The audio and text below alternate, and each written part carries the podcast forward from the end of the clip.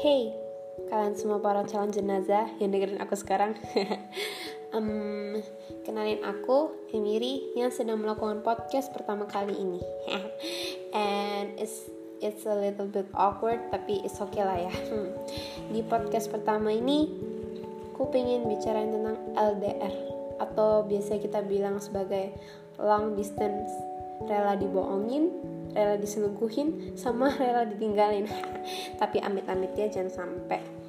Di sini uh, aku juga lagi ngakuin hubungan LDR nih. Ya long distance relationship. Cie bener akhirnya. And aku tahu kok betapa susahnya. Um, buat kalian-kalian lagi LDR ini aku tahu kalian pernah ngerasain betapa deketnya kalian sama pasangan kalian. Yang kayak tiba-tiba ngejauh aja dari kalian pakai banget. Sakit. Ya iya sih pasti sakit.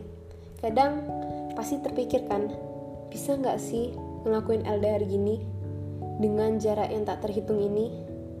Tapi tenang saja karena aku yakin dia sangat pandai menjaga hatimu. Dan kalian juga harus mempercayai itu tolong jaga kepercayaan ke teman-temanku ini bahwa kamu adalah orang yang tepat untuk dinantikan. Aku tahu, kalian semua pasti rindu.